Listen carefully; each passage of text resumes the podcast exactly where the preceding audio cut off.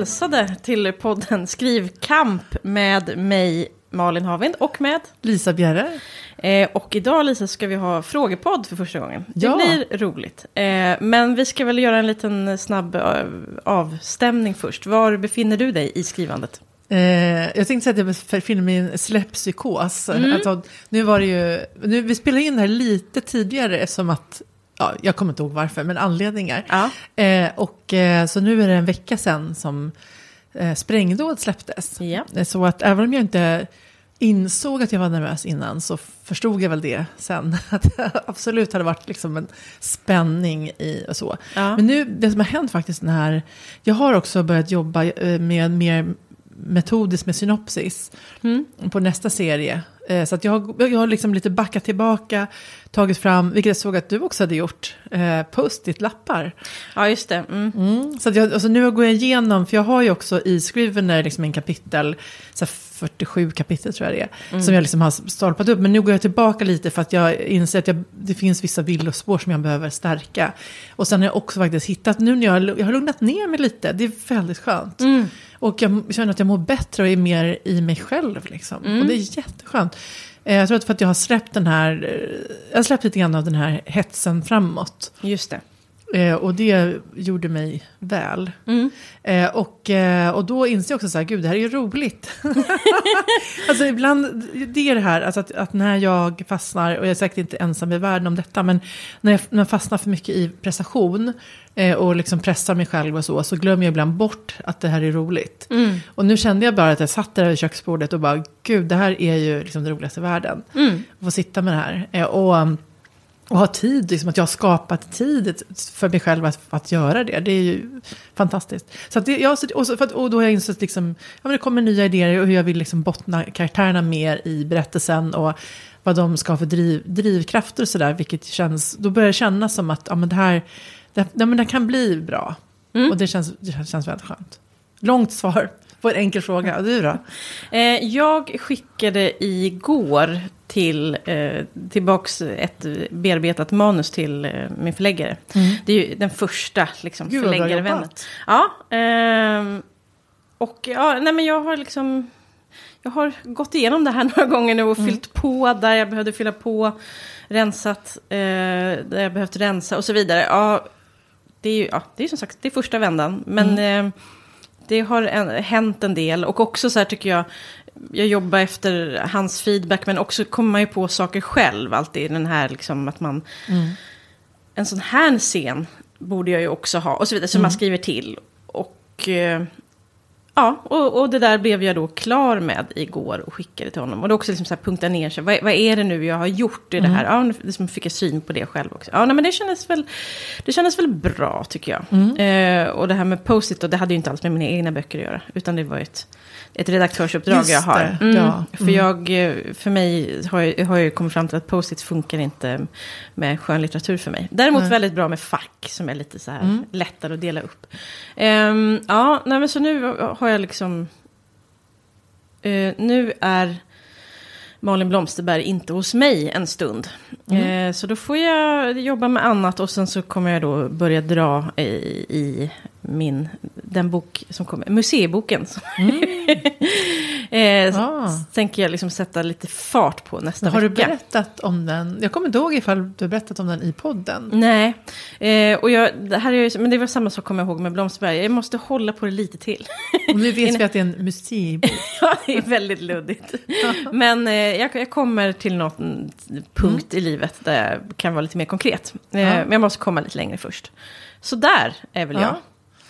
Och så får vi tacka då för vi har fått in en del frågor som vi efterlyste då i, på Instagram. Eh, och eh, andra sociala medier. Men vi hugger väl tag i första bästa. Det tycker jag. Mm. Eh, hade ni någon författarförebild som barn? Vad säger du? Ja, jo men absolut. Eller Maria Gripe får man väl ändå säga. Alltså, du, du fnissar du för det så här. Ja, men det var precis det jag skulle svara också. Jo men det, det, liksom jag, nej, men jag kommer ihåg, det var, då var det väl kanske så här sju, åtta års åldern. Eh, och jag tror att, att jag var så pass, jag tror det var då att de kom liksom. Att jag är, ju- jag är ju lite äldre än vad du är. Ehm, ja men det var, De, kom, är det skuggböckerna du tänker på då eller? Skuggan över stenbänken, Ja, Mm, av Tor- Tordyveln flyger Mm, i skymningen och eh, Agnes Cecilia. Mm. Tänker jag också på. Och sen, ja, och, och de, de var ju verkligen, och sen, sen vet jag också att jag även Maria Lang också, som Mm, deckare. Eh, och, men sen kom ju då, när jag var, var 13 och jag läste Coq Rouge, så klev ju herr Jan Guillou in på arenan. Och sen var, var han ju min stora förebild och idol i Ja, här sitter vi idag här. Nej, men det, han, har, han, har, han har ju präglat mig jättemycket. Som det Ja. var det, han, som, han, han fick ju mig att vilja bli journalist från början. Och, Mm. ja, och så vidare. Jag hade ju som mål, uttalat mål att jag ville bli en kvinnlig Jan Guillou. Mm, just det. Vilket är ett sätt att förstöra livet på, för det kan man ju aldrig uppnå. Men är så nära jag kommer, även Ja, nu på ja, samma precis. förlag. Ja, ja precis. Ja, hans förlag. Ja. Ja, nej men mitt svar är, det var ju också Maria Gripe. Jag tänkte på det här på vägen hit. Ja, det, ja, det är ju det uppenbara svaret. För att eh, dels, ja, nej, men den, hennes, den världen hon byggde upp eh, i sina böcker. Och, ja, precis de du nämner, alltså, när hon går in liksom på det som är lite ja, med magisk realism, lite spökigt i vissa fall. Men i grunden finns det ju en sån väldig liksom, förankring i samhället. Hennes tidigare böcker, de här Hugo och Josefin och pappa. Mm. Pellerins dotter och alla de där, de är ju mycket mera, det är ju verkligen socialrealism på, på många sätt. De tyckte jag också om.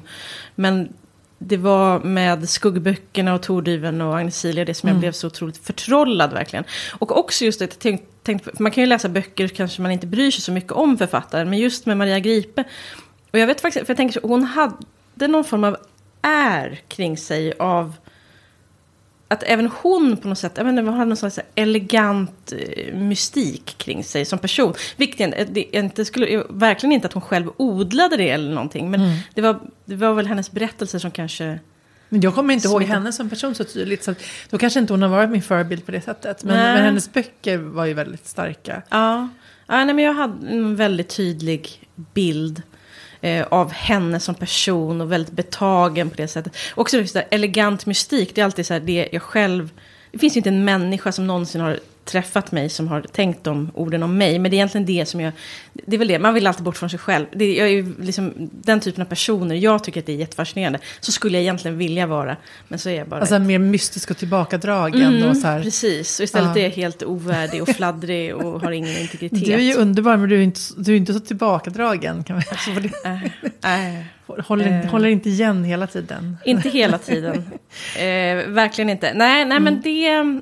Mm, Ja. Jag kommer ihåg, jag gjorde min journalistpraktik på Kulturnyheterna på SVT. Mm. Och när, när Maria dog, då var jag där. Då liksom blev det... Ja, du vet hur det blir på en nyhetsredaktion när det Mm. händer någonting. Ehm, ja, nej men nu ska jag, det var den frågan. Maria Gripe, Mm. Jan Guillou, hade du också. Ja, jag tror nog Mm. får säga mest honom då Ja, faktiskt. mm. Ja. Jag, eh, det, här är en, eh, det här är en rolig fråga som jag har fått. Som en person också så här, om det inte är en infekterad fråga. Står också inom, Oj, Men det tycker jag verkligen inte. Det det här är någonting jag gärna pratar om. eh, För jag har mycket åsikter. Era tankar kring hybridförlag. Vill du börja? Eh, ja, men ja, jag tycker att, eh, ja, vad ska man säga om det? Jag tycker att allt, liksom det, jag har ingen synpunkt på det så länge marknadsföringen är renhårig. Eh, alltså, jag menar, det, min enda kritik mot hybridförlag är ju när, eller enda kritik, det är en ganska omfattande kritik, att Mm. de ofta eh, utifrån vad jag hör från personer som fått som säljerbjudanden från dem är att de presenterar sig som förlag som har en sållning där man blir antagen eh, och att man då lever upp till en viss kvalitet. Och det här är ju verkligen att så här, göra, göra, slå mynt av människors drömmar. Eh, att, för att det har man ju ändå förstått att, att det inte görs någon, som regel, någon sållning alls eller en väldigt grov sållning. Och Mm. att det är ju ett, så här, ett erbjudande om att köpa en trycktjänst och Mm. ja, liksom redaktionellt och till väldigt mycket pengar. Mm. Och det har jag, tycker jag är eh, urdåligt och eh, affärsetiskt föraktligt att eh, hålla på på det sättet. Mm. Så det gör mig förbannad. Men, ja, men att, att, vad, att den författaren som väljer det har jag ju ingen synpunkt på överhuvudtaget. Så länge, så länge Nej, man det- vet vad man, vad man köper. Mm. Nej men det är ju inte egenutgivning i sig och att det finns den typen av tjänster. Det har inte, att man Mm. kan så här, här finns det en tjänst, eh, köp, köp att din bok trycks, köp att den korrläses, köp att någon gör ett omslag, allt det, men bara att det är tydligt. Men jag, för jag ser ju så mycket från det hållet att jag själv då liksom ibland är lektör eller skriver kurser och så vidare. Så är det ju verkligen att den kommunikation som går från just hybridförlagen till aspirerande författare. Mm. Den är ju just, tycker jag, då väldigt ofta ohedlig. Att det kommer ett svar när man skickat in ett manus. Man kanske inte vet, det är inte så lätt att veta om man inte är inne i branschen. Vad som är vad. Mm. Och liksom, det är inte supertydligt på deras hemsidor och så heller. Men att det, det här svar, det, de får ju verkligen en känsla av att de är antagna på ett riktigt förlag. Och jag tänker säga riktigt här utan citationstecken. Men sen ska de då köpa en tjänst. Så, och så får, köper du, om du, som författare, om du betalar någonting, då är du inte antagen av ett förlag. Då köper du en tjänst. Och det här borde vara jättetydligt, men det är det inte. Så Och det finns jag. också en del sådana här fulvarianter som är, som är så att säga, riktiga förlag men som är så här, men du måste köpa en upplaga på 500 Mm, böcker. ja. Så här, då är det ju... Liksom, Är det då osnyggt? Ja, precis. Och man, man, nej, nej, osnyggt är det. Och jag tycker att man ska vara ärlig med vad man, vad man säljer. Mm. Liksom att, ja. Ja, verkligen. För, för, för det, precis som tjänsten som sig är ju bra att den finns. Men, men visst. under, liksom, under en renhårig flagg. Sådär. Mm, mm, verkligen. Vilken typ av bok eller genre skulle ni absolut inte vilja skriva? Men kanske väldigt grov porr då, eller? Dit gick jag inte ens. Men lite halv, lite mjukporr har du inget på. ja, det, det tror jag vore helt okej. men, jag, Det men, svåra är att det väldigt ofta blir dåligt. Alltså när man försöker sig på. Ja, synonymordboken tar slut någon gång. ja, nej men jag vet inte, men... Um, ja, har du någonting som du... Ja, nej men sci-fi kommer jag ju inte röra mig i närheten av. Det vore väl roligt. Nej, det borde vi verkligen inte. Nej, jag kan nog inte... Ja, men kokbok kommer... Eller det har jag i och för sig tänkt på om jag skulle skriva så här, min indiska svärmors mat. Ja, just det. Men en kokbok utifrån mina egna kunskaper kommer inte att beskriva. Nej. Till detta är de för små. Ja, Ja, jag förstår. Men, men, eh, nej, men jag har liksom inget så principiellt. Jag tycker nog, jag fick en fråga en gång eh, när någon, när jag blev ja, tillfrågad om att skriva en sak. Så här, ja, jag, tittade, jag kollade liksom på din produktion och så här, vad du har skrivit. Och, så antingen har du, är du en person som har väldigt svårt att bestämma dig eller så är du en orädd skribent.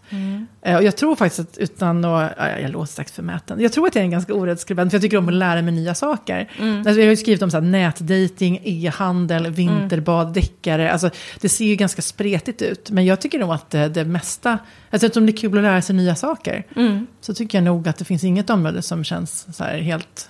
eh, o- Helt stängt. Nej men precis. Och sen ska man ju ha tid och, och det ska vara tillräckligt intressant för att hålla på med en hel bok. Men, ja, Ja, nej men precis. Det finns ju andra saker som står före oftast. precis. Före den grova porren. Men till exempel, okej, skriva så här, ett, en föreningshistoria. Mm. Typ så här, ja men, ja, men som, som, låter som så här, rel, spårvägsföreningens historia genom tiden. Det, där skulle jag backa. Liksom. Ja. Ja. Ja, jag förstår. eh, ja, nej, jag är inte heller sugen där faktiskt. Nej. Men du kanske kan göra den i porrform. Porr på räls. vad i skrivandet är mest lustfyllt och vad är mest motigt? Jag tycker det varierar. Vad, vad tycker du? Mm. Nej, men jag tycker ju att mest lustfyllt är ju, alltså absolut mest lustfyllt, det är de här fantastiska stunderna då man hamnar i någon form av flow och Mm.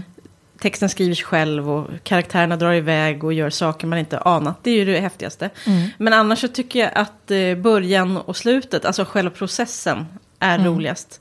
Det är väldigt, väldigt härligt när man börjar känna att man börjar... Då är ju nästan, jag tycker ju nästan att korrektur och så är kul, för att man är så nära. Mm. Och jag har ju det här, liksom, alltså, det är min tyngsta drog i livet, vittring på att bli klar med någonting. Eh, Så där, där, har jag liksom, där mår jag mycket bra. Men jag mår också väldigt bra i början. När, det här som vi har pratat om, att vad bra det är innan- det är skrivet. Nej, men också eh, att man får liksom, ja jag vet inte, när man börjar liksom bekanta sig med sin värld. Och sen älskar jag ju research. Det är ju för roligt nästan. Eh, och mest motigt, det tycker jag alltid är att vara i mitten av texten och i mitten av processen. Mm. Det är för långt åt båda ändarna då liksom. Ja, men det är sant. Jag tror att... Eh, ja, ja, faktiskt. Jag tror att, att mitten av, av skrivprocessen tycker jag nog också känns seg. Och sen när det gäller redigeringen, då tycker jag faktiskt att den första grovredigeringen är tung. Eh, för då är det ju då, liksom ofta är det då att det är ganska mycket sådana här stora stora storylines, alltså typ vildospår och själva brottsutredningen. Som man behöver in eh, och, liksom, och ändra och, och, och justera i. Och, och då tycker jag att det är väldigt påfrestande för då måste man ha så himla mycket i huvudet samtidigt. Och ändra de här stora grejerna. Och det tycker jag är liksom kämpigt. Alltså det, känns, det känns sällan... Alltså att sitta liksom senare redigering när du kanske har eh, liksom en, en, ändring som rör hur löser du den här scenen. Det berör mm. liksom en boksida eller liksom en A4-sida. Det är ju... Eh, alltså det, det är ju så jämförelsevis otroligt liksom, enkel grej. Att det, det blir ju mer, alltså det, det, kan inte, det är inte alltid roligt, men liksom det är så enkelt ordnat. Men de här mm. stora, det, då kan jag verkligen känna att det är motigt. Mm. Liksom att jag önskar mig bara liksom igenom det och mm. bortom. Men sen har jag ju tyckt att det har varit fruktansvärt motigt att börja komma igång den här gången. Ja. Men, men det är väl också ja. olika olika processer vad som är värst, jo. tänker jag. Ja, precis. Och nu kanske det var värst att tänka på att skriva så här. Nej, men alltså, det är just den här tvivelprocessen och liksom ja. innan. Och nu känns det ju bättre. Men, men det är också för att jag har bestämt mig för att jag inte behöver ha så bråttom. Det är väl det som är skillnaden. Att jag inte hetsar, liksom, alltså ska piska på mig själv. För, att, för då, när den här rädslan kommer då, att det där, liksom, åh nej, liksom, kom, det, här kommer, gud, hur ska, liksom, det här kommer bli pajigt. Då, då, nu kan jag ju tänka så här då, jag har tid att uh, opaja det. Liksom. Alltså jag har tid att förbättra det. tid att opaja. ja, precis. Jag döpa ja, en bok till försöka, liksom, bara Den här lugnande tanken direkt. Försöka liksom, nej, nu. Ja, ja. Nej, men sant. Nej, men det är ju generellt en lugnande tanke. Mm. Just det där att det finns, att allting behöver inte sitta direkt. Nej. nej. Vad kommer oftast först när ni får bokidéer? Karaktärer, handling, en scen, något annat? För mig är det nog... Alltså karaktären kommer väldigt... Det mm. känns konstigt att ha liksom någon form av tomt, ingenting och så är det inga människor där. Karaktärerna kommer väldigt... Men jag tror att det är just en kombination av karaktär och plats mm. för mig ofta. Eh, att det är... Jag vet, platsen är ju väldigt viktig tycker jag. Ja. För det här det att man vill, ja, man vill bygga sin, man vill bygga sin värld. Mm. Eh, och den är såklart mycket mer än en avgränsad geografisk mm. yta eller ett hus eller vad det nu kan vara. Men det är ändå, ja, platsen tycker jag är jätte, jätteviktig. Den måste ha någon form av laddning för mig. Eh, men den ska också befolkas. Men det är kombinationen, eh, karaktärer och eh, plats. Och, men där finns väl också, han, alltså, några scener har jag nog med mig ganska tidigt också. Mm. Men eh, ändå, nej, jag, nej där, där, jag ska sluta svara eftersom jag har svarat. ja, men jag tror i den här i den nya serien jag jobbar med så den, den har varit en sån himla krokig väg. Så att jag vet inte riktigt. Eh, I brottet finns ju en, en idé om, om ett liksom, tema eller en, en, en, en, eh, en grupp i samhället som jag vill skriva om. Eh, men sen är väl karaktärerna har, har liksom ändrat form. Från början var, var det, var det en, en grej jag pitchade för Storytel Original. Um, och det var en, som en, en, helt annan mördare, en helt annat brott, en, en seriemördare faktiskt. Och det var Kalmar. Så att där, liksom helt, men det har jag bara tagit, men, men där kanske man, ja, men jag, jag känner att, att det liksom, jag tror att jag har, kanske börjar ofta i så här, vad vill jag skriva om? Mm. Um, Som en tematik? Ja, men lite grann. Nu, känner, nu har jag tänkt så här, men jag skulle vilja skriva på något sätt, få in Indien på något sätt. Och då är det så här, ja men då skulle jag vilja ha en karaktär som har en förälder som är från Indien. Mm. För att eh, liksom få in det. Och, sen så, och, och så börjar den karaktären liksom, ta form på något sätt. Eh, och sen kan, och andra karaktärer kan ju dyka upp, eller liksom väldigt av sig själva på något sätt. Men eh, jag vet inte riktigt. Jag sen tycker jag när man läser tidningen om otäcka saker så får man en idé om brott. Sådär, ja, ja men det, det är sant. Alltså, jag tror vissa saker är så självklara. För det tänker man inte ens att det är ett val. Mm. Men eh, jag... Eh, att det finns, ja, men just det, liksom det tematiska och så vidare. Mm. Så kan jag då se liksom, mönster i vad jag väljer att skriva om. Mm. Eh, men till, ja, men ta, om man tar Ö-trilogin då och sen Malin Blomsterberg. Så här, ja, det är, män, alltså, det är sjömanshustrun och det är hushållerskan. Det är människan bredvid. Det är mitt mm. favoritämne. Ja. eh, och sen kvinnoliv. Eh, jag, som, jag undrar om jag någonsin kommer ha liksom en manlig huvudkaraktär. Vet inte, intresserar mig mm. inte lika mycket alls. Eh, det kan ändra sig kanske. Men att man har ju vissa områden som man ständigt utforskar. Ja, men det pratade vi om någon gång, det här att det var något citat, men att, att liksom varje, varje författare, varje artist, alla, alla skriver samma låt, bok, målar samma tavla om och om igen. Alltså man har ett grundtema som, som är det man kretsar kring. Mm. Sen blir det ändå olika verk. Ja. Men så tror jag att det är. Mm. För mig kanske lite grann kan vara så här relationen till föräldrar. Mm. Föräldrar-barnrelationer. Mm. Ehm, ja. För det, det ser jag ju återkommer nu i den här nya serien också. Att, att jag gärna vill in i, i dem. Liksom. Nej, jag, tycker det, är jag tycker det är jättesvårt. Och det borde man ju ha någon så här jättebra pitch som, till sin bok. Liksom. Alltså, jag menar, men ibland undrar jag om inte folk hittar på det i efterhand. Ja, det är klart de gör. Ja, okej. Ja, ja, Ja, det var så självklart. Gud så de gör det, absolut. Alltså jag tänker, jag kan också, jag kan också Jag menar göra inte det. att då. alla gör så, men jag tror absolut att det sker. Och ibland kanske till och med läggs i munnen på en Ja, författare okej, av ja. någon annan smart människa. Så jag kan redan börja, börja liksom fi- fila på ett bättre svar. Precis. Eh, tips att skicka med Mm. till eh, folk som vill, aspirerande författare helt enkelt. Vad, har du, vad är ditt bästa råd? Jag vet inte, jag tycker att de som brukar ges blir ju lätt eh, lite slitna. Mm, jo, visst, absolut. Eh, Det, här, är- det är ju inget fel på tipset, men, men de flesta säger ju skriv och läs. Ja. Och det, är ju också bra tips, Det men det är väldigt eh, tjatigt, ja. Ja, men ja, jag, jag tycker att det, kan, det här har ju inte också sagts förr, men så här, gå en skrivkurs. ja. Det brukar jag nog faktiskt ofta säga när man får, när det är någon som, som, som man har kontakt med, som man känner lite grann som är ny, sugen eller på att börja skriva. Då, då brukar jag ofta rekommendera det, därför att, då, för att du får deadlines eh, och du får, eh, jag menar, du, får, du får också en startpunkt, för även om man inte vet vad man vill skriva om, så, så brukar jag säga att det brukar, liksom, det brukar komma, för du får ju ofta skriv, du får ju skrivövningar, och så brukar det dyka upp massa grejer i de här Ja, ja, skrivövningarna. gud, ja. Mm. Och det, plötsligt har du liksom en idé. Så att det, liksom, det är ju, jag tycker att skrivkurser är det bästa sättet Mm. att liksom komma igång. Och få också, ja, få upp en fart också. Ja, och träffa andra som är intresserade av att skriva och få läsa. Öva på att få Ja, feedback. precis, allt och sånt. ge och, lä- och feedback och läsa och så. Jag tycker det. det. tycker jag nästan är det bästa. Mm, ja, det är bra. Och sen får man, ja. Men jag vill också kasta in att, att, ehm, att stryka från, från ändarna. Jag tänker att man ofta börjar lite för tidigt i, sin, i handlingen och man slutar lite för sent. Det går ofta att stryka, kanske framför allt från början. Att, Och speciellt om man inte är så van, att man håller på med för mycket intro.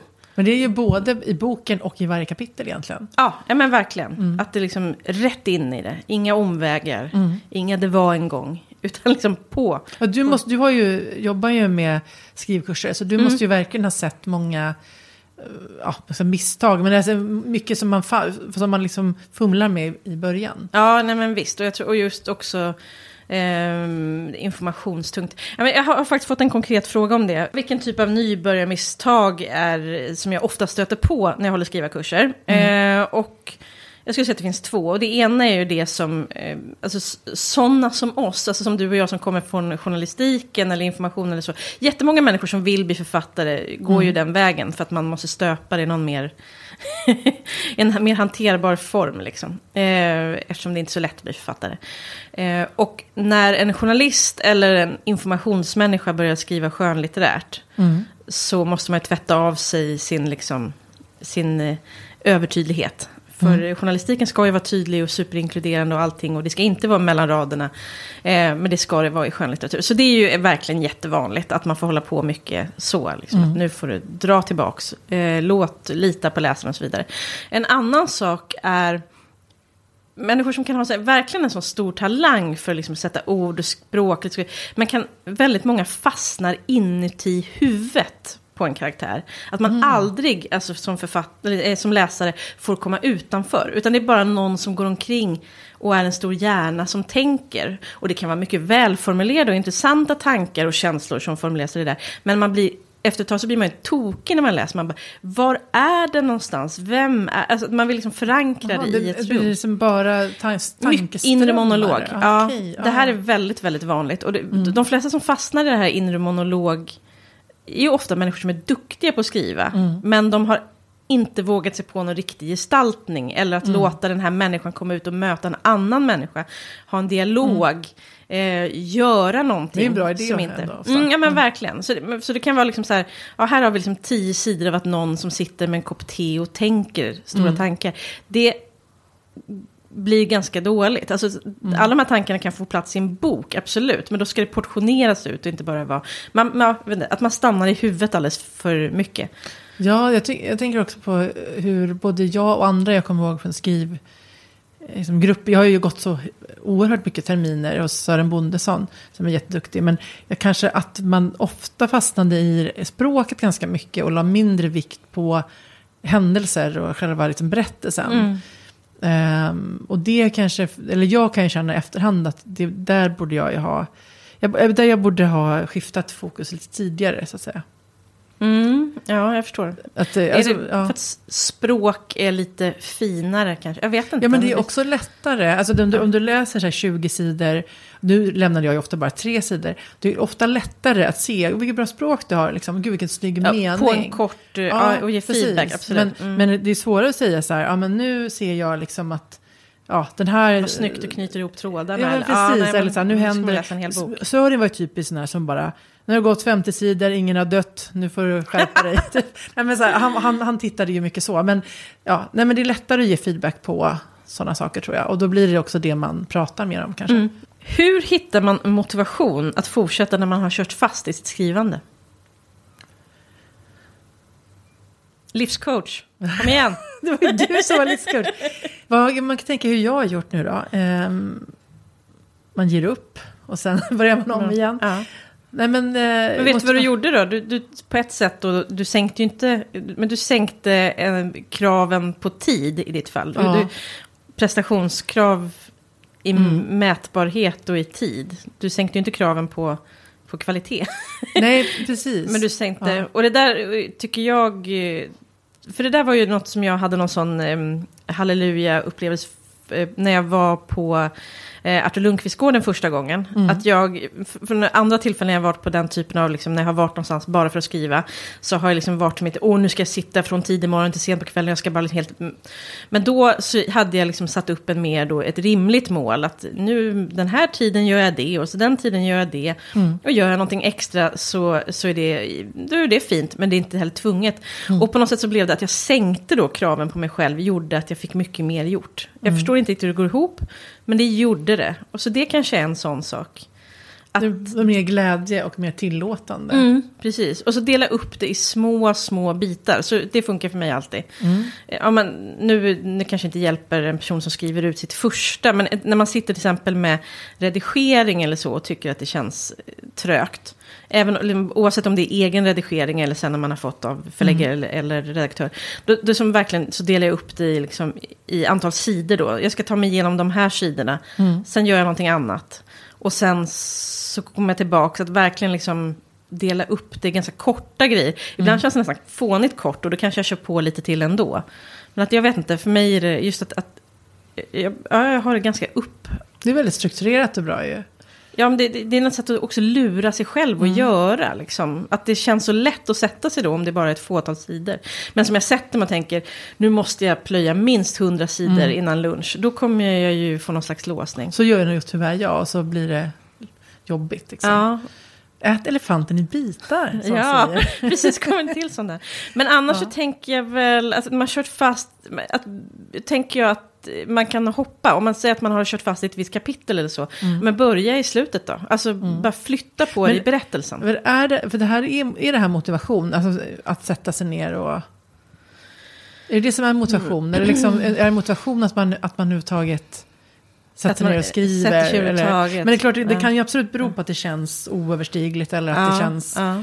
Men, men ehm, man kan väl ha målbild. Jag tänker också, nu så kommer jag inse att jag, skulle, jag vill nog gärna ha en målbild av när jag sitter med min utskrivna lunta. Mm. Om några månader tänker jag. Att då, då sitter jag där och har faktiskt ett råmanus. Mm. Eh, och sen kan, man ju känna, kan jag ju känna hur jag vill med, om det känns, hur bra det känns. Just det. Men då har jag skrivit ut den första någonting versionen. Det, fin, finns, det finns någonting. Och jag kommer känna mig stolt och glad. Eller jag kanske, 48 punkter. ja, ja, precis. 48 punkter, 100 sidor. Nej, men, och, och, den, och känna den känslan. Och Ja. bara, det, det är dit jag vill. Eh, För att alternativet att jag aldrig mer sitter, det, kän, det är ju inte, liksom, det känns ju inte bra. Nej, Utan det är ju precis. dit jag vill ju sitta där med ett manus som är färdigt att redigeras Ja. och kan bli bättre. Ja, men det är faktiskt, en- att, tänka på den pappers, det, det tror jag är en väldigt bra motivation. Men också, nu kan, kommer jag låta lite bitchig kanske, men det här för det tänker jag också på, apropå skrivarkurser och så. Och det här är ju, alltså vi, det är ju författares fel att det är så här, att det finns mycket, det är också vårt fel, vi är med. Nej men, äh, äh, att här, man- vill skriva och allt man vill är att bli utgiven och allt och så, och så, och så går åh, och så går vi omkring och dånar. av vår, av vår skaparångest och så vidare. Det, det, är fruktansvärt, det är bara, men så är det. Eh, men det här smittar ju såklart av sig även på människor som liksom inte, som är aspirerande då. Och, och ibland kan jag liksom, tänker jag på skrivarkurser och så, att folk, jag tänker, har man ändå tagit sig dit, då är man ju fri motiverad, det tror jag. Men att man bara påminner sig, du måste inte. Alltså du kan också, om det känns för jobbigt, sluta då. Och då kanske du kommer sakna det, så kanske det blir motivation i sig. Men också så här, det är ju inte så, här, det är inte så att det saknas, eh, det är inte så att liksom någon kommer, herregud, världen går under för att den och den, äh, men det, jag vet inte, man måste Som påminna jag sa någon gång tidigare, det blir 499 deckare nästa år. och inte 500 om jag lägger ner. Nej, precis. Nej, men att påminna sig om att, alltså det är ju, det måste ju komma inifrån. På något, Jag vet inte, och gör det inte det, nej men då kanske det inte är. Jag har faktiskt två närliggande frågor här. Ja. En eh, är från Anders Fager. Som, jag vet, jag har sett att han ofta är inne på författare Facebook. Och, eh, nu, ska vi, nu har inte du sagt namnen på dina andra, men jag tycker Nej, ändå det var lite ja. roligt. För han är ju författare. Och han, han så här, varför folk som leker att de är författare älskar att dela internetskämt om att det är så jobbigt att vara författare. Det är lite grann samma. Men jag tror, att, jag tror att, det är klart att man kan se på det så här, ja, ja sluta fjompa dig, lägg ner om det är så jobbigt. Men jag tror också att det handlar om samhörighet, att man delar sådana här mems och grejer för att man vill känna... Vara en del av den här gruppen. Ja, och om man känner att vi, här sitter vi alla och kämpar och liksom så. Mm. Sådär. Jag, jag tror ändå, jag vill se med en kärleksfull blick på Mm, ja, detta. men det fint. Och jag vill också säga att det finns någonting i att det här med att leka och vara författare. Det tänker jag att jag gör ibland fortfarande. Alltså, nu är jag ju, jag får ju säga att jag är författare, men jag också... Att verkligen leka det, det är inte så dumt. Alltså att verkligen gå in i... Nu är jag en skapande person. Ja, men det som jag ibland pratar om, att man sitter liksom svartklädd med tända ljus. Ja. Och liksom att, det, det, att, det liksom, att ladda situationer med den typen av, ja det kan kännas som att liksom uppfylla en, en kliché, men, ja, men jag gillar ju den klichén. Mm. Toppen. Ja, och, och vem bestämmer vem som är författare? Det är ju ingen skyddad titel. Det Nej. är ju, du, du kan ju bestämma dig för att jag ska vara en författare och sitta och skriva. Mm. Eller dela memes. Det lär vi. Precis. Ja, jag tycker, ja. Men, men, jag kan ju Eller förstå, men jag kan ju förstå att man kan reta sig på äh, det här. Ja, men, liksom att om, du, om det är så himla jobbigt, då, varför, Mm. varför gör det då? Mm, Så, mm. men, där. men jag tycker, ja, men jag tror, jag tror ändå det här med samhörighet och att ja, Ja, men det har man vill känna igen sig och, i andra. Och, mm. Mm. Nej, men, och, och om man då ska också ta det på lite mer allvar, varför är det så gnälligt då kring, alltså varför är vi så gnälliga? Så är det ju någonting med att man, att man riskar någonting, att man att säger jag vill, det, alltså det är, själva pretensionen i det Mm. är ju ett, liksom en risk för ett misslyckande, det ligger ju Mm. i det. Och det är väl det som är läskigt. Ja. Så då blir man liksom nerver. Ja. Ja, och jag tycker, jag tycker ändå i grunden att det är bättre att, att man... Jag tänkte, jag drog en parallell till forskarvärlden som jag kanske inte ska prata så mycket om, för jag har aldrig varit, eh, jobbat med det. Men utifrån det jag vet om det så är det väldigt svårt att tro ändå att det, så här, liksom, att det sitter massa forskare och delar memes som så här, fan vad svårt, liksom, min teori kanske inte håller, den här tesen var skit, jag får kasta hela liksom, analysmaterialet. Alltså att, att man ändå, man, man liksom, att man i, i vår, liksom i skrivarvärlden ändå vågar blotta lite. Ja. Eh, det tycker jag ändå är positivt, alltså det är någonting bra i det och stärk, stärker alla. Du har helt rätt. Vi är underbara. Eller hur? Fler memes, helt enkelt. Verkligen. De ska ut ja, men du har helt, alltså, fruktansvärt med sådana, den typen av branscher där allting måste vara liksom framgångskostymen på, ut, nej fasansvärt, nej vad bra att vi gnäller, hurra för oss. Och, och en, en, en, för det här, jag fick det här från, från Facebookgruppen, författare, författare Facebook, där jag frågade om någon hade en fråga. Eh, och då var det också det här, det blev ett litet battle då, om självdisciplin versus motivation, som ju du, vi var inne på nu. Mm. Alltså så här, för någon frågade, för någon sa så här, ja men typ, typiskt, det var en man av en händelse som sa, jag har ingen fråga men jag vill ge tips. Eh, förlåt. Eh, men så här, eh, jag pratar gärna om att man måste vara disciplinerad. Det var två faktiskt samtidigt som sa det. Eh, man måste ha självdisciplin och gå in för skrivandet. Man måste planera in skrivandet och verkligen bestämma sig. Eh, och då var det en annan då som, som sa, nej men jag är 100% befriad från självdisciplin. Jag, liksom, hon skriver bara när hon har motivation och det går, liksom, det går utmärkt. Och det tycker jag var lite intressant. Det blev en liten battle så. Mm. Behöver, man, behöver man ha självdisciplin eller räcker det att skriva bara när man känner för man får feeling? Det beror väl på vem man är. Alltså det, det är ju som allting annat, det som funkar funkar. Är man så, har man så mycket motivation då är ju inte det ett problem då. Um, jag tycker inte det är så himla lätt alltid att säga vad som är vad. vad som är... Uh, nej men, att motivationen, alltså, vad, det är inte supertydligt för mig när jag är disciplinerad och sätter mig och när jag är motiverad och sätter mig. Ibland är det det, men inte alltid. Eh, men jag är ju i grunden finns ju en motivation och det är ju liksom att det här är det enda jag vill göra. Mm. Ehm, ja, nej, jag, men det är klart man måste... Det är svårt att vara yrkesförfattare och bara gå på lust, absolut. För ibland så är det inte så lustfyllt, punkt. Nej, men det beror ju på precis hur mycket, hur, hur eh, frekvent utgivning man vill ha. Mm. Och, alltså, och för, för, här, för, hon sa ju att ja, men jag har ofta lust att skriva. Så att det, är liksom, mm. det är inte det att att det inte blir någonting. Utan mm. hon har, och jag, hon har, jag vet att hon har gett ut två böcker. Alltså mm. det är inte mm. det att det liksom inte blir... Nej. Nej men det, man är väldigt olika som människa ja, också. Och, och, det tror jag också. Ja, ja. Och, och det, men det kanske är lite grann som du sa om det här tillåtande att sänka ribban. Att då kan det komma, det komma kan, mycket ja. plötsligt. Därför att man inte har den här pressen. Eller Precis. att man inte... Att man, men man funkar väl olika. Medan en del andra kanske... Att man aldrig, alltså att man är trött och sliten och liksom egentligen inte riktigt orkar. Och då behöver man kanske ha bestämt sig för att jag ska sitta mellan 9 och 10 mm. med mitt manus. Liksom, för annars blir det aldrig av. Så, menar, det, det, så, det kan väl vara väldigt olika. Ja, ja men visst. Eh, ja, nej men så är det. Känn dig själv får väl vara. ja, ja, men precis. Ja. Här hade, fick jag en fråga om karaktärer. Hur tänker ni kring att känna versus att lära känna karaktärer? Känner ni era karaktärer väldigt bra redan när ni börjar skriva? Eller blir det mer som att ni lär känna dem allt eftersom? Ehm, mm. Jag tror, om jag bara hugger här, tänker jag att... Ja, det är klart, när jag skrev Ö-trilogin och mina två huvudkaraktärer var mormor och morfar. Ja, då kände jag ju dem på ett sätt, även om jag inte kände dem i den åldern eh, mm. som de, som, där jag skildrar, de åren jag skildrar. Men det fanns ju ändå en grund. Eh, men det var ju verkligen, i den processen var det ju verkligen så att med tiden, ju mer jag skrev så blev ju de mer och mer sina egna. Alltså Dagmar och Holger i mina mm. böcker är inte rakt av mormor och morfar, utan de är liksom lite. Så att jag, jag tror att det är både och, jag känner väl hyfsat väl, och med Malin Blomsterberg, klart jag läste in, nu, återigen här, nu har jag två böcker då där jag har skrivit, eller två nej, fyra böcker är det ju onekligen mm. eftersom det är en trilogi, men böcker där det finns eh, verkliga förlagor.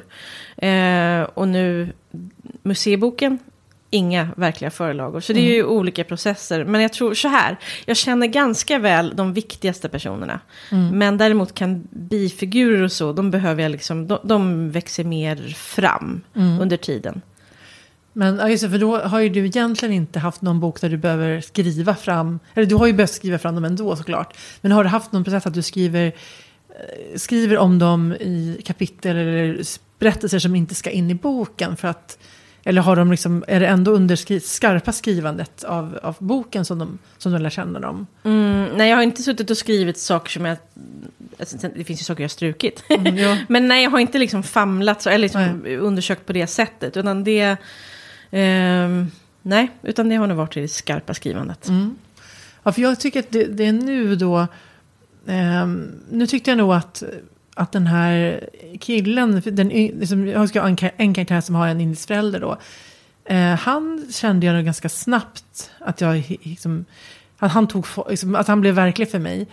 Medan den kvinnliga huvudpersonen har varit lite svårare. Kanske, och det var väl för att jag slog ihop två karaktärer till henne då. Um, så att så också det. Men ja, där behöver jag nog skriva mig fram. Eller jag känner ju att jag kommer behöva skriva mig fram faktiskt till dem båda två.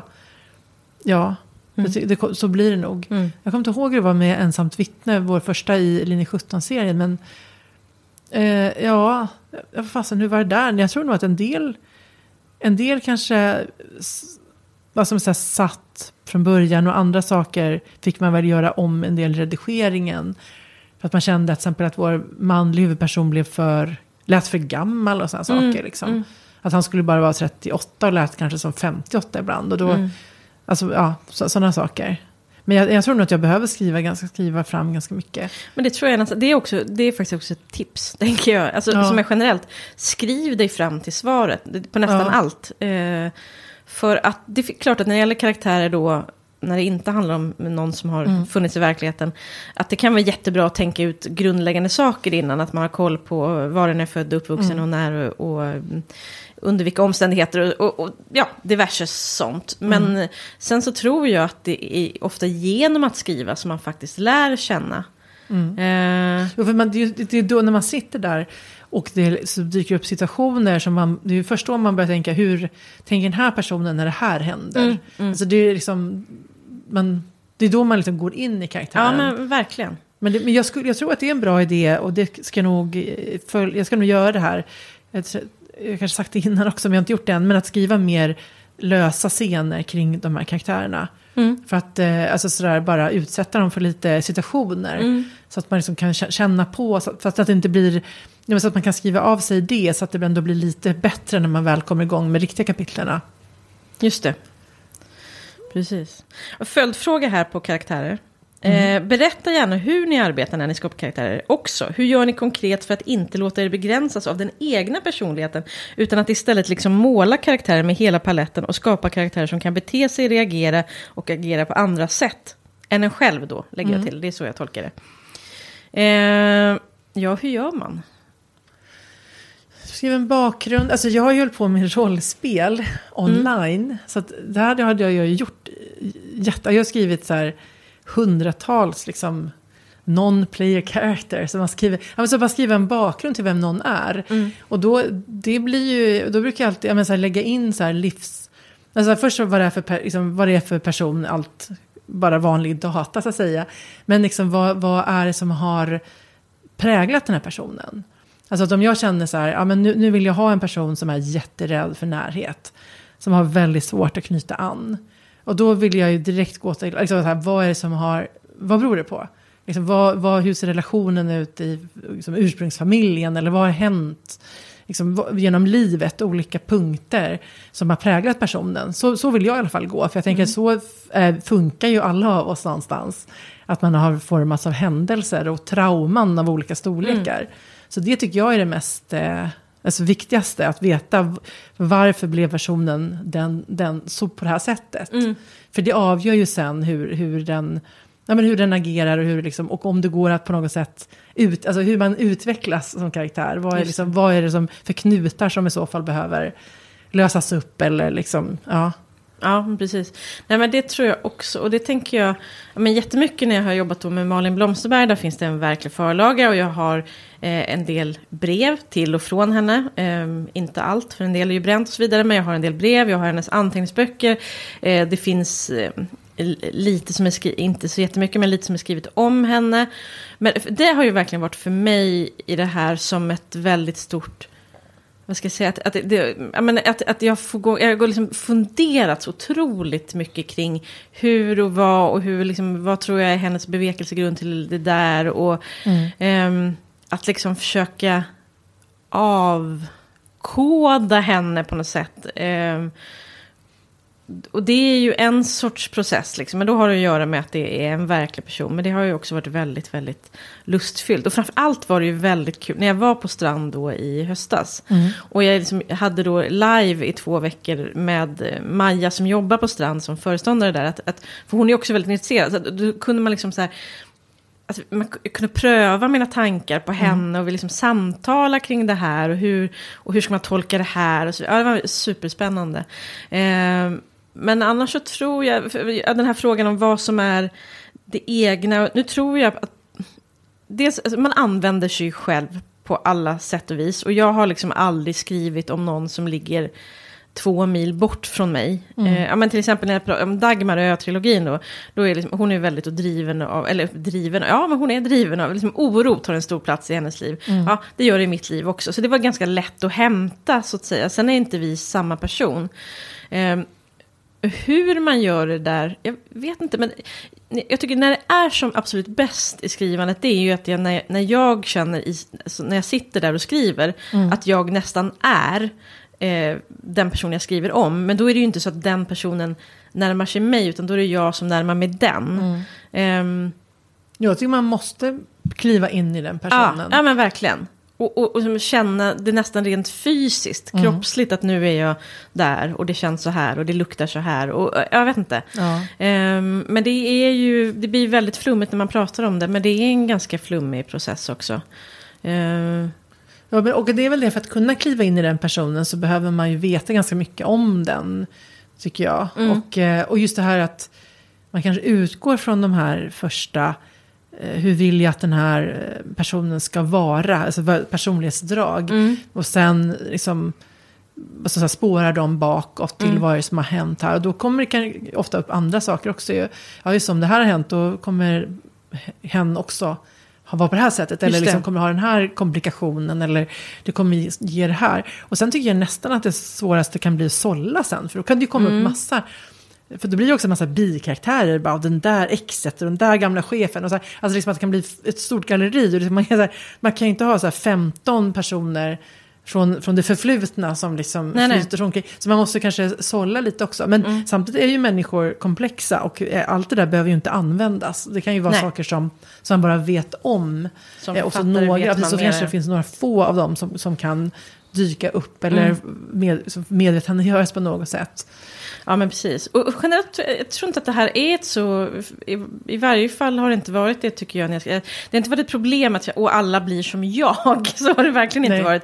Och inte så, menar, att någon reagerar. Utan jag tycker nog att jag liksom känner oss så pass... Nej, men så, så reagerar den i en sån situation och så vidare. Det behöver verkligen inte vara som som jag hade gjort eller så. Jag vet inte, på något sätt, man, man känner sina karaktärer och man följer, man får låta dem visa vägen på något sätt. Jag tycker min eh, utmaning är nog att ändå att karaktärerna ska vara mer drastiska. Alltså det, jag tycker i alla fall i, i deckare så, så det, det kan inte, funkar ju inte att alla är så bara, bara är tillbakahållna och så här och liksom alltid vara passiva.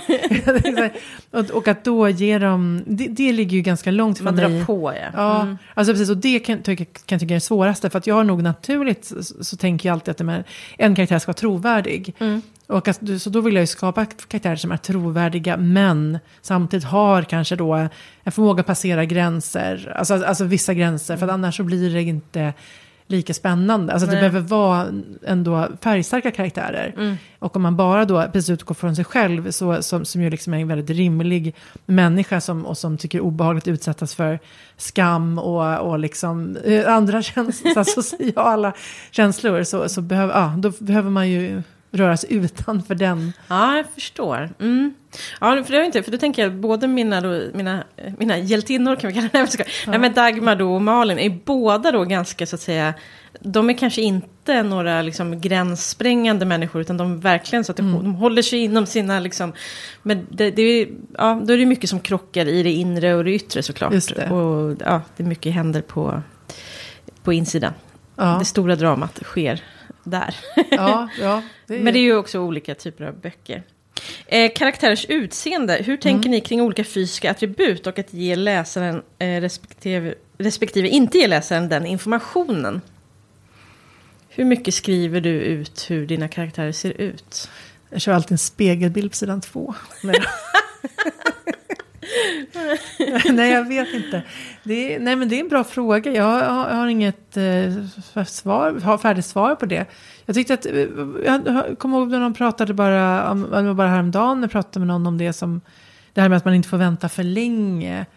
Eh, liksom, alltså, nackdelen med att vänta för länge så kan det ju vara att den andra personen, eller alltså läsaren liksom redan har en bild. Och så Ja. kommer det på sidan 50 så här, hon kastade det mörka håret över Ja, axeln. just så, så bara, va, hon är ju blond. Nej, men så att man, att man ändå, men jag, jag, tänk, jag vet inte, att jag, det kanske är dumt, jag, jag tänker nog att de, att de flesta utskap, jag skapar ju alltid en egen bild. Jag tänker, som, bläddrar man inte bara över det där, alltså skummar man inte bara över eh, de här jag säga, fysiska dragen när man läser en, en bok själv.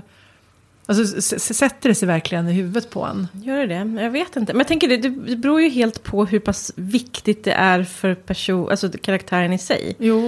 Eh, är den väldigt medveten och går omkring och tänker jättemycket, då är det ju viktigt kanske. Ehm, men om jag, Ja. om jag liksom, igen då med Malin Blomsterberg-boken så tror jag i den boken så är ju så att säga kanske då Ellen Keys utseende mer beskrivet än Malins. Och det är ju för att det är Malins perspektiv jag har. Och hon är inte den som står och speglar sig dagen ända. Däremot så ser hon Ellen mer än någon annan människa. Och kan grubbla över om hennes spetskrage är på sned eller inte. Du vet sånt där. Men no, n- li- lite vill jag gärna, liksom, det är inte så att jag vill liksom utelämna utseende. Men eh, jag lägger inte kanske jättemycket vikt för det. Men okej, lite så här, det, jag är ju noga med att det blir rätt med... För jag tänker, hur är det att vara människa, att gå omkring? Ja men till exempel så är man ju varje dag så har man ju kläder på sig. Eh, och de känns på kroppen på olika sätt. Och de uppfattas av andra. Och kläder till exempel kan ju vara en väldigt bra markör för liksom, ja, tid eller klass eller vad som helst. Så att det är jag kanske mer intresserad av än om någon har liksom höga kindben. Så. Ja, och jag, jag, jag, jag har faktiskt tänkt på det nu i den nya. Då, då, jag, vet, jag tänkte att i och med att jag har två olika karaktärer som kommer träffa varandra. Eh, så, så, så, så blir det väl, eller så har jag tänkt att jag, jag, de, kort, alltså de får observera den andra personens utseende kortfattat. Eh, och liksom i... Ja, så, så, så jag tror att det får bli så. Alltså det är klart att jag vill berätta. Båda de här personerna, mina huvudpersoner i nya boken har ju liksom har ju ganska utmärkande drag. Och de kommer jag naturligtvis berätta om. Men sen, kanske, sen, sen tänk, så kommer jag nog inte gå in i detalj på liksom näsryggen är hög eller låg. Eller liksom, alltså sån här, näsborrarna är breda. Eller så. Alltså förstår ni? Jag tänker att man får liksom en övergripande bild av vilken typ av person det är. Och sen är det väl inte så att man alltså, förhoppningsvis gestaltar dialog och eh, förhållningssätt på sätt så att man förstår vad det är för typ av människa. Liksom. Alltså att det, och det avgör sen bilden i läsarens huvud. Mm. Ja, jag vet inte, det, det är en bra fråga. Ja. Mm, ja. Men jag, tror att, att gå efter hur viktigt det är för karaktären. Ja. Nej, men här, om man har utmärkande drag så tycker jag ändå att, att det, det behöver ju presenteras. Men det är väl det du säger också, hur viktigt det är. Mm, Verkligen. Jo, men vet du, ett, det, apropå det här med utseende så kom jag på ytterligare ett sånt här lite nybörjarmisstag som är lätt, lätt hänt. Eh, och det är ju att någon som kanske skriver ur liksom i, i jag-form, första person, men plötsligt börjar liksom... Där gick... Att, det är jag och sen plötsligt så börjar liksom en... Och det långa svallande håret och... Eh, de höga klackarna. Jag vet inte, att, att det plötsligt blir en utifrån blick. Att det är ju väl, och det där, händer, det kan ju hända i andra sammanhang också. Men just med utseende så är det, så är det väldigt, väldigt vanligt att man tappar sitt perspektiv. Eh, så där får man, det är ett vanligt nybörjarmisstag som man kan eh, vara vaksam på. Eh, miljöer frågar de här. Baserar ni mycket på faktiska platser eller blir det fantasin som får jobba fram nya miljöer? Hur är det för dig? Det är bara faktiska platser. Eller inte när jag skrev mitt fantasymanus som, som ligger på redigeringshyllan. Eller jo, i och för sig, jo, nej, det utspelar sig också på verkliga platser, utom när de åkte in i en annan dimension. Då, men det var faktiskt också till, eh, faktiska platser. Ja. Eh, även fick använda en väldigt spännande miljö så, i, så utanför Chi- Chiles södra kust. Där, liksom inte, där jag åkt fraktfartyg. Det är liksom, man ser in, inget, ingen växtlighet på typ två dagar. Det är bara is och snö och klippor. Nej men jag, jag har nog alltid, jag tycker att det blir mer... Det beror på vad man skriver, men jag tycker nog att, att det är intressant med verkliga miljöer. Eller jag, förstår, jag förstår inte varför jag... I det jag skriver har jag inte haft anledning till att eh, inte ha en riktig plats. Nej. Kanske. Nej, men så är det för mig också. Men jag, jag blir väldigt, väldigt inspirerad av de faktiska platserna. Alltså verkligheten eh, räcker så bra. Eh, sen så kan man såklart... I, alltså jag utgår alltid från en faktisk plats, men sen såklart kan jag... Eh, efter behov då justera eller så om jag vill att det ska ligga en blomsteraffär på hörnet. Då, då kan Ja, jag, du menar ja. så detaljer liksom i... Ja, men precis. Ehm, eller som, ibland är fantasin med, ja, men till exempel med eh, Ö-trilogin, då det hus där Dagmar eh, bodde ehm, i Slite, det, det finns ju inte längre. Eh, Så det det uppfann jag i mitt huvud. Mm. Eh, och framförallt, ja men lite visste jag om hur det såg ut utifrån och storlek och sådär. Men inuti, så det var helt min fantasi. Men, men att då kunde jag liksom, det huset, det, det hittade jag på helt. Och inredde och liksom gjorde en planlösning. Som jag nu inser, det har jag inte tänkt på. Men jag har tagit samma planlösning som det var i min farmor och farfars hus nästan. Eh, det har jag inte ens tänkt på. Mm. Eh, utan då har jag bara liksom översatt det. Åtminstone på ena våningen. Ja, nej men så att man gör eh, på sina sätt. Men sen är det roligt tycker jag att hålla på med detaljer. Om vi pratar just om inomhus där. Att lägga på en viss sorts duk och ställa Mm. en vas. Eller, alltså, den där typ, det är ju fantasi såklart. Ja, men ibland, ja, det kan väl vara, men ibland kan jag också, uh, som du säger, använda. Jag insåg just att min, i min fantasibok så använde jag, eller bo, det är ingen bok, det är ett manus. Eh, så använde jag ju faktiskt min farmors eh, sommarstuga utanför Hässleholm. Och då, för då, då tog jag ju rakt av hennes inredning. För att då, då passade det så bra och det var mysigt att vara tillbaka där. Eh, och den, ja, men den miljön var, var liksom den känslan jag ville ha också i den scenen hos den personen.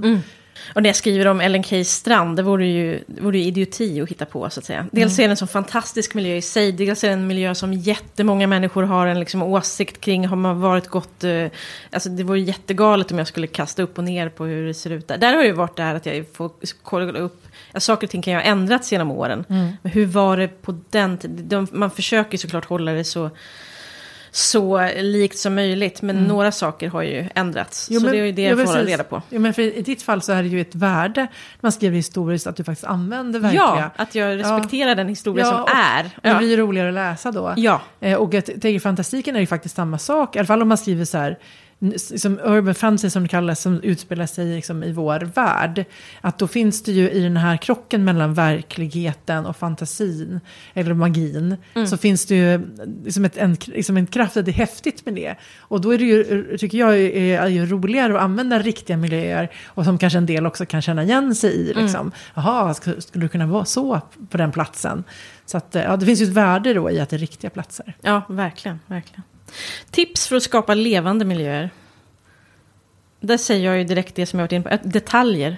Att det är klart man kan inte liksom hålla på hur mycket som helst, men att istället för att vara generell, så var specifik. Alltså var verkligen specifik med vad är det för... Vad är det för färg på blommorna på den broderade duken? Nej men alltså på den nivån tycker jag. Eh, och sen att inte glömma att vi har flera sinnen än synen. Det är så lätt att fastna på att bara beskriva hur saker och ting ser ut. Men att också, hur känns en soffa? Hur luktar det i parken? Och så vidare. Så att man använder fler, flera, flera sinnen. Jag, jag hamnar ibland i en sån här rytm, typ att, jag försöker, att det blir så här var tredje mening ska ha någon slags miljö. Att det är så här liksom så här, att någon... någon Det låter som väldigt mycket miljö. ja, det är, för att, det är nog för att jag har varit så dålig eller sparsmakad kan man säga med miljö. Det har varit en svaghet att jag försökt tänka så här.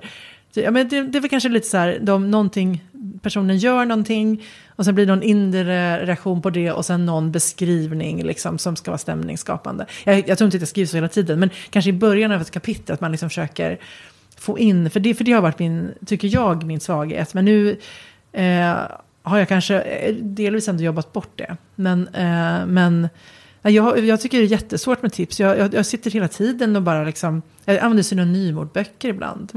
Alltså bara så här, ja, men bara för att hitta ord eller liksom, det här, det här nu kommer ju låta illa, men ChatGPT.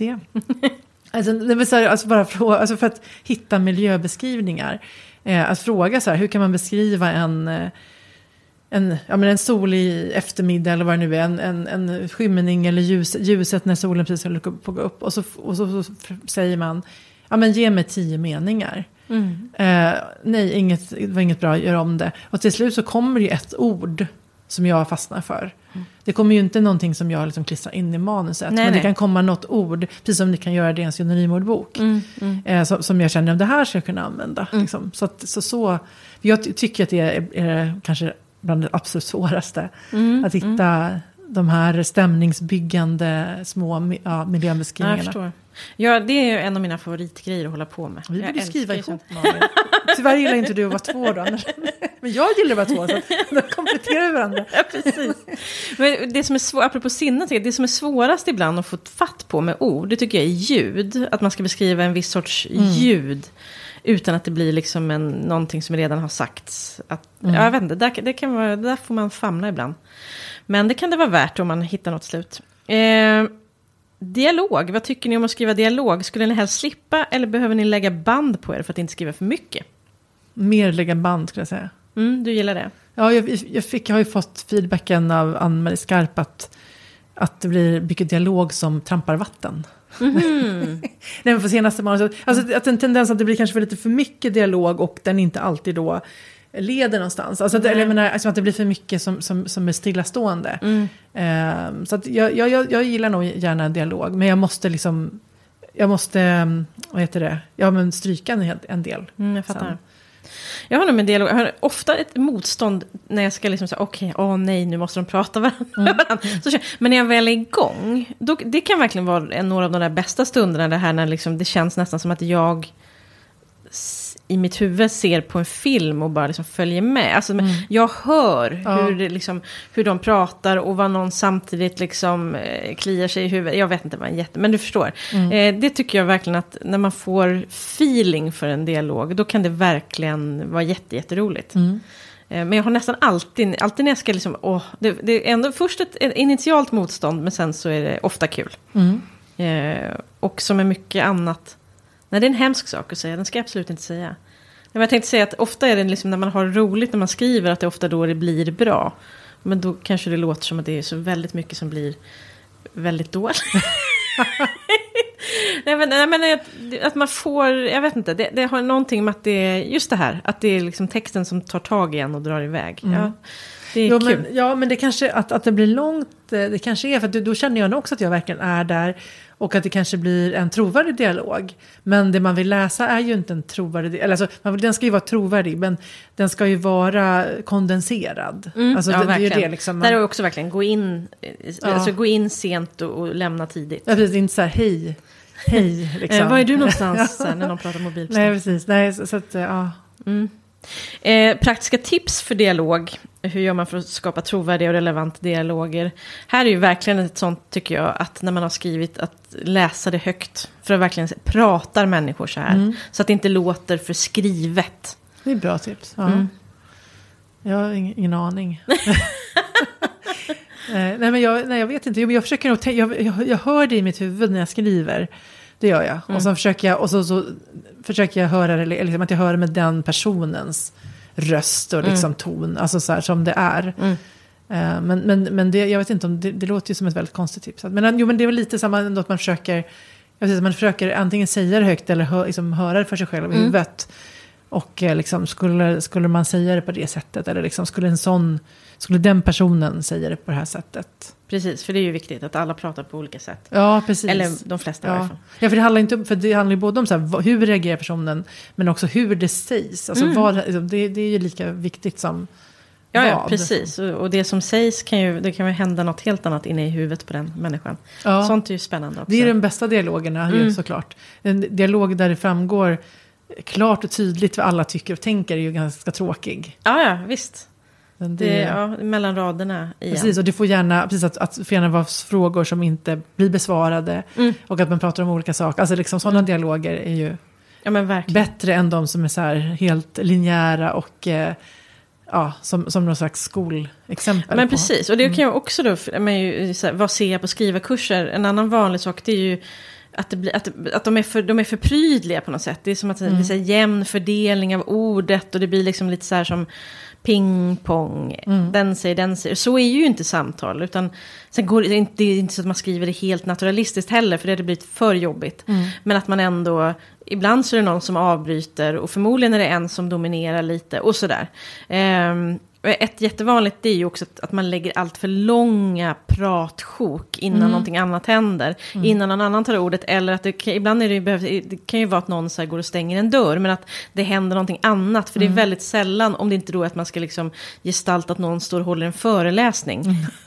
så är det ju väldigt sällan någon bara pratar på utan att någonting annat sker. Men det där Ja. är ju svårt, för samtidigt så pratar man ju ibland om den här viftsjukan, liksom att, att det blir mycket gester som beskrivs då. Mm. Strök liksom ett finger över det vänstra ögonbrynet och så här. Jag Där har jag ju verkligen varit själv. Liksom, Ah, att man, ja. man försöker desperat leta, då, då är ibland så fått, ja men bara så här, Ja, Sören Bonde till exempel, han är ju väldigt mycket så här, låt dialogen stå för sig själv. Liksom, att du behöver inte hela tiden lägga in. Nej. Men, men, men, men var går gränsen? Liksom? När, när behöver man bryta av? Ja men precis, och det, går, men det, och det kan ju vara att någon gör någonting. Ibland så är det ju meningsbärande att någon till exempel då stänger en dörr för att någon utifrån inte ska höra vad som sägs. Mm. Just Eller, det, mm. Istället för att det bara är någon pynt som är Ja. att någon Ja, kastar det är väl mot- pyntet som Ja, Mm. pyntet är. Men det kan ju också vara att man istället då går in i huvudet på en karaktär, vad den tänker. Alltså Mm. det, behöver ju, ja, det finns ju massa saker man kan göra där.